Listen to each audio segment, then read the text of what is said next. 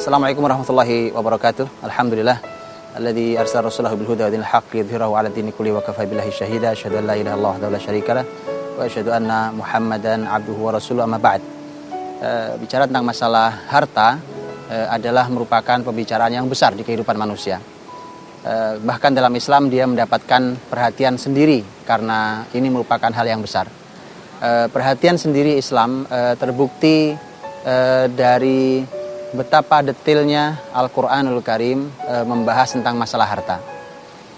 E, kalau kita perhatikan e, Al-Quranul Karim yang memuat tentang e, kehidupan manusia, kalau kita bandingkan antara ibadah dan muamalah, harta adalah muamalah, e, bagian dari pembahasan muamalah selain zakat, maka kita melihat bahwa e, pembahasan tentang masalah harta, eh, transaksi muamalah antar kita, pembagian eh, warisan dan seterusnya adalah pembahasan yang sudah langsung detail, panjang lebar dibahas dalam Al-Qur'anul Karim. Eh, ketika kita melihat sholat umpamanya dalam Al-Qur'anul Karim, eh, puasa umpamanya, zakat bahkan atau haji, maka pembahasannya tidak panjang detail, tidak detail, tidak panjang uh, dia baru detail dan panjang di dalam hadis-hadis Nabi Shallallahu Alaihi Wasallam. Ini berbeda dengan uh, pembahasan masalah harta uh, yang berhubungan dengan muamalah sama kita, uh, yaitu masalah pembagian warisan contohnya. Uh, pembagian warisan detail dibahas dalam Al-Quranul Karim. Pembagiannya, siapa yang berhak, berapa persen dapatnya, kemudian dan seterusnya apa syaratnya untuk mendapatkan sekian detail dalam Al-Quran Al Karim. E, begitu juga kita melihat ketika kita melihat e, ayat terpanjang dalam Al-Quran Al Karim. E, kita melihat bahwa ayat terpanjang dalam Al-Quran di surat Al-Baqarah juga berbicara tentang masalah harta yaitu masalah hutang piutang. Ya amanu tadayantum bidainin ila ajalin. Tentang masalah hutang piutang antar kita. Itu ayat terpanjang dalam Al-Quran Al Karim. Artinya detail pembahasan tentang masalah harta. Ini apa artinya? Ini artinya bahwa e, masalah harta adalah masalah yang sangat penting sekaligus bahaya. Dia oleh surat An-Nisa disebut sebagai e, sebagai alat untuk menegakkan kehidupan.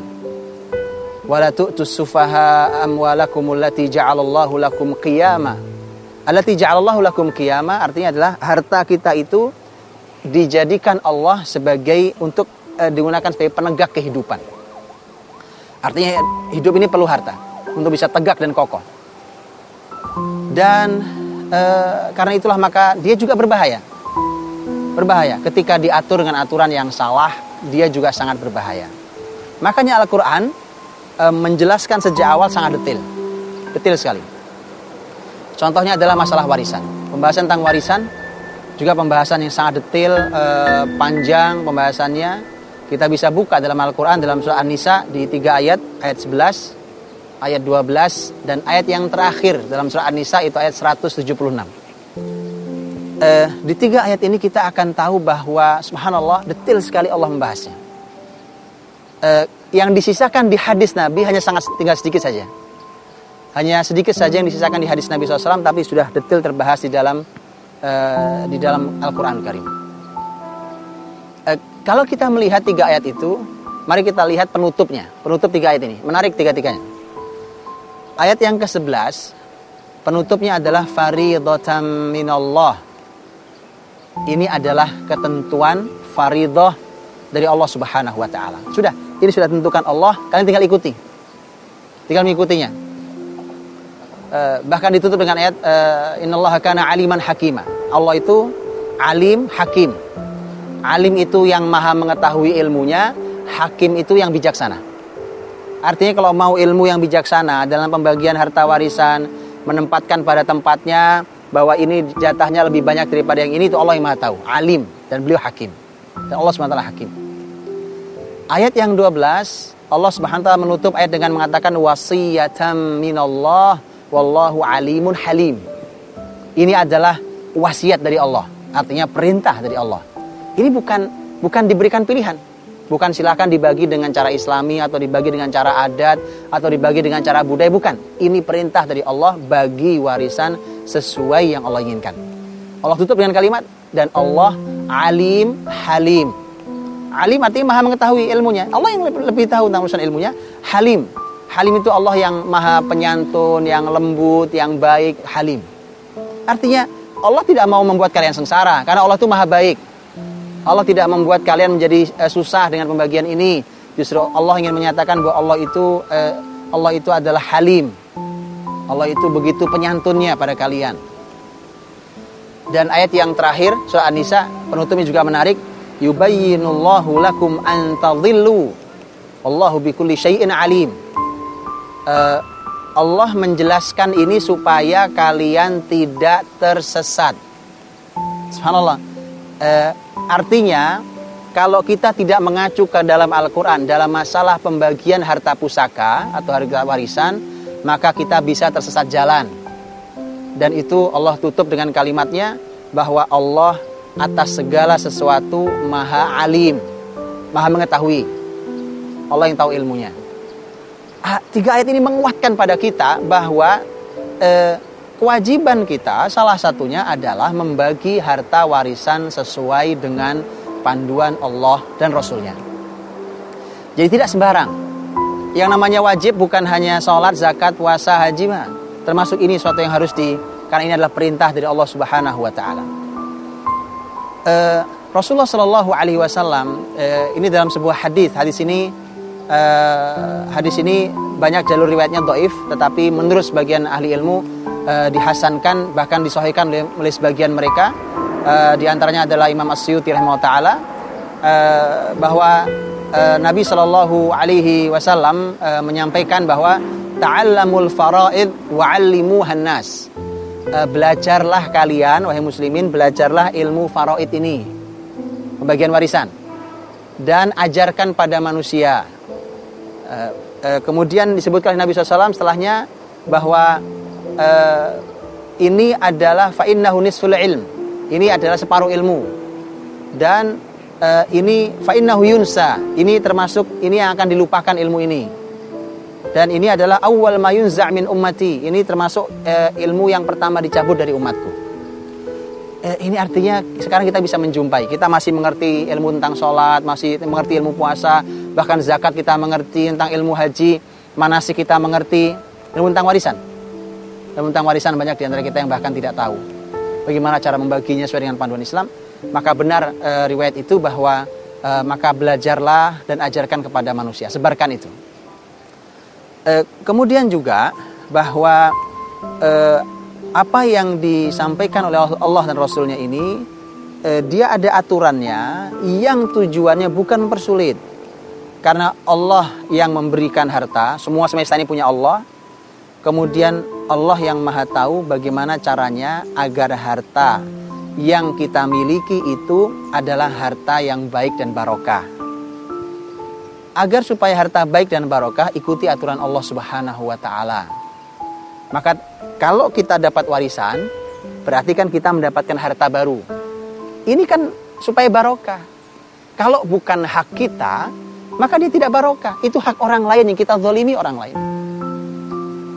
Atau kalau kita meninggal, harta yang kita kumpulkan sepanjang hidup kita, masya Allah kita berjuang untuk mendapatkan harta itu, Kemudian begitu kita meninggal, kalau tidak barokah, jangan-jangan yang kita tinggalkan malah membuat pecah belah silaturahim.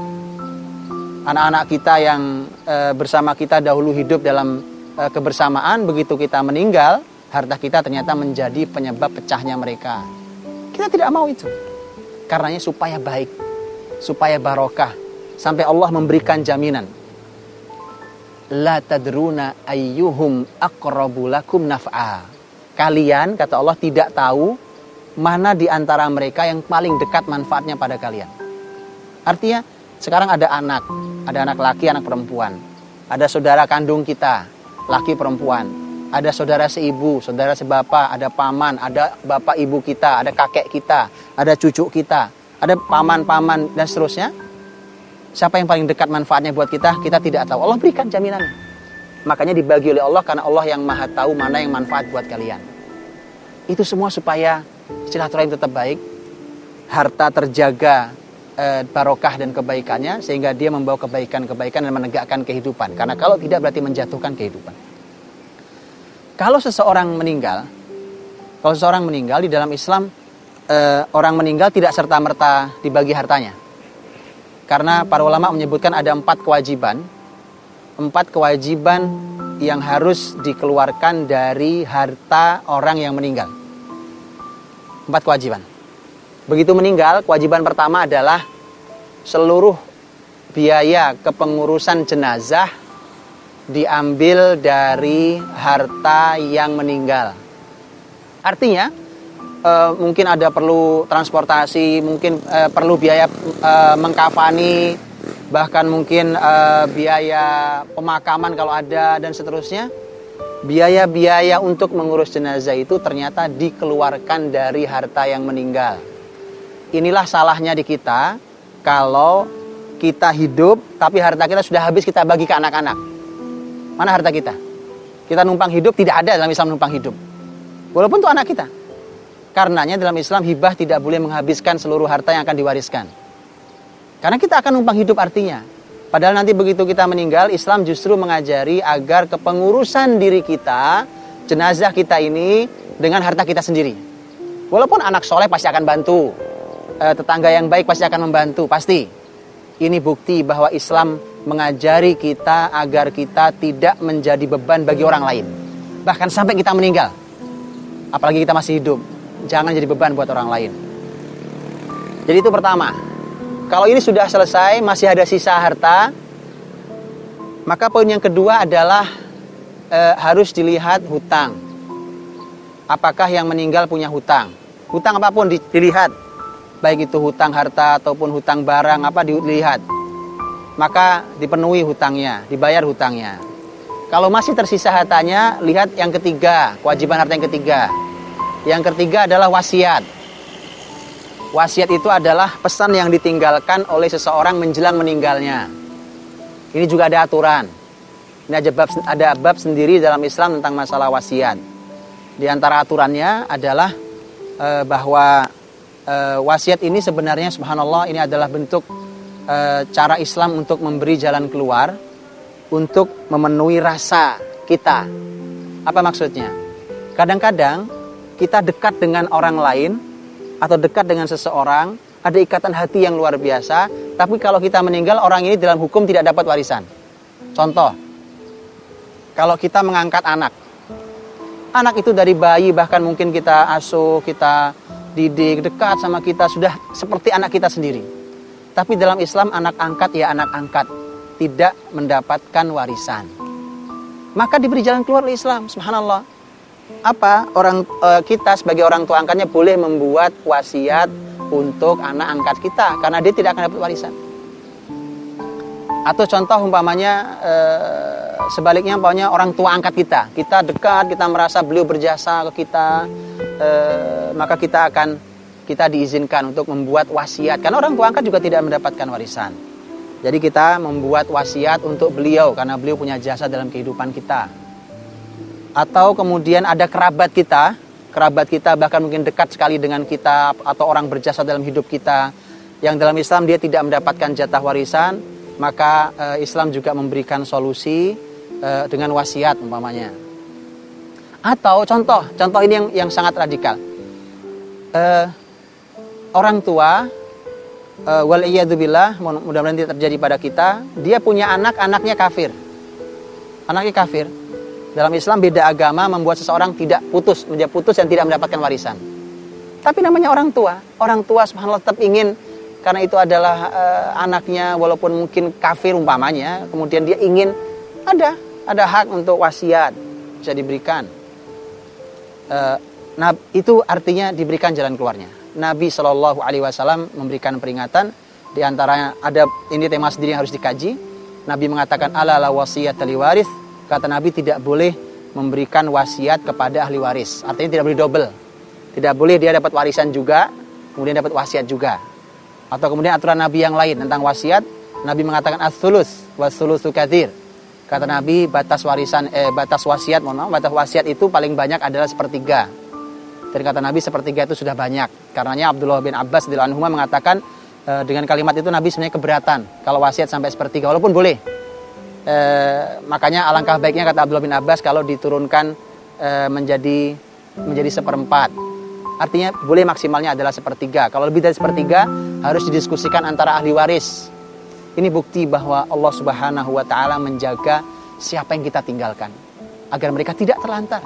Bahkan Nabi jelas mengatakan bahwa kalau kau tinggal, ini kalimat Nabi pesan pada saat Nabi Wakos, kalau kau tinggalkan generasimu dalam keadaan berkecukupan, lebih baik daripada kau tinggalkan mereka mengemis kepada manusia. Itu Islam perhatikan tentang generasi. Dan e, kalau sudah terpenuhi sampai wasiat masih tersisa hartanya, maka di situlah baru ada kewajiban pembagian warisan. Jadi pembagian warisan, pembagian warisan e, dibagi setelah terpenuhinya e, tiga kewajiban harta jenazah. Maka kemudian warisan adalah e, poin yang keempat untuk dibagi. Dan dalam Islam ada aturan yang sangat detail tentang masalah e, warisan e, dan ada banyak pembahasan. Di antaranya adalah e, ada yang harus kita pahami. Ada tiga hal yang menghalangi seseorang mendapat warisan. Yang pertama adalah perbudakan.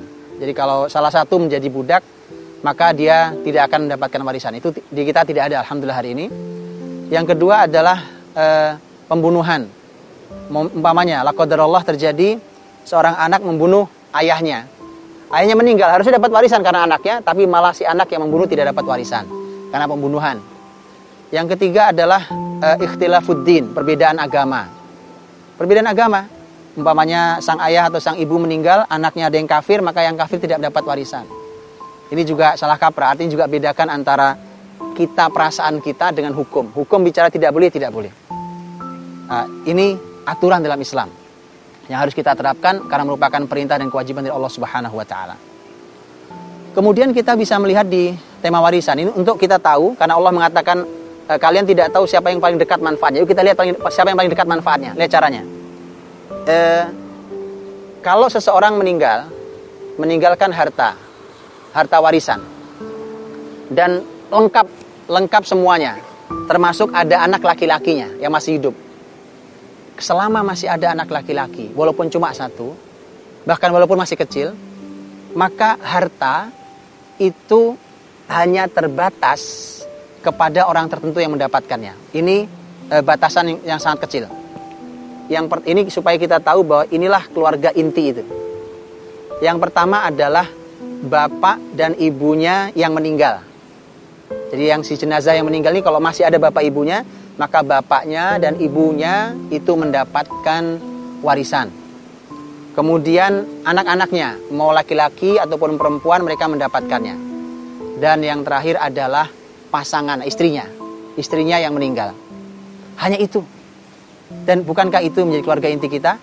Kalau seorang laki-laki meninggal maka eh, kalau dia masih hidup bahkan dia punya tanggung jawab terhadap istrinya, eh, terhadap anak-anaknya, bahkan dan terhadap kedua orang tuanya. Dan itulah keluarga inti. Ternyata itu pula yang mendapatkan warisan. Tapi kalau tidak ada anak laki-laki, harta mulai melebar.